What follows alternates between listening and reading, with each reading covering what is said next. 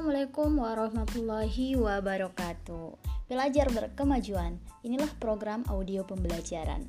Program ini dipersembahkan oleh Universitas Muhammadiyah Yogyakarta.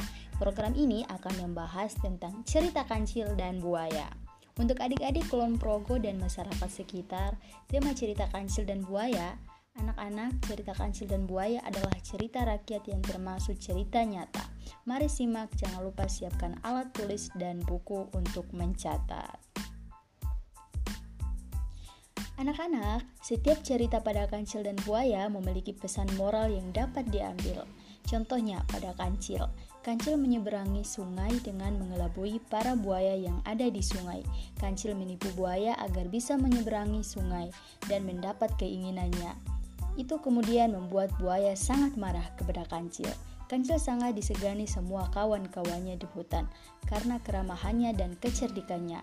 Kancil selalu membantu kawan-kawannya dalam menyelesaikan masalah.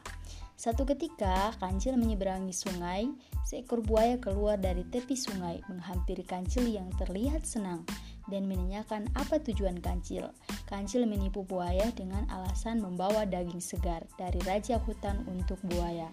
Dengan memberi syarat pada buaya, harus berjajar hingga membentuk jembatan. Karena para kancil dan buaya merasa karena para buaya merasa senang mendengar kabar kancil membawa daging segar, para buaya kemudian menyanggupi permintaan kancil.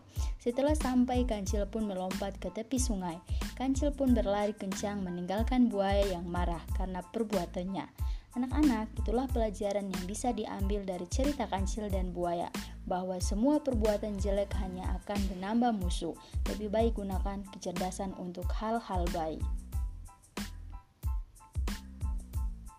Demikian program audio pembelajaran untuk adik-adik dan masyarakat sekitar Kulon Progo. Cerita Kancil dan Buaya program ini dipersembahkan oleh Universitas Muhammadiyah Yogyakarta, Prodi Komunikasi Penyiaran Islam, penulis naskah Rahmianti Barani, penyiar Rahmianti Barani. Terima kasih.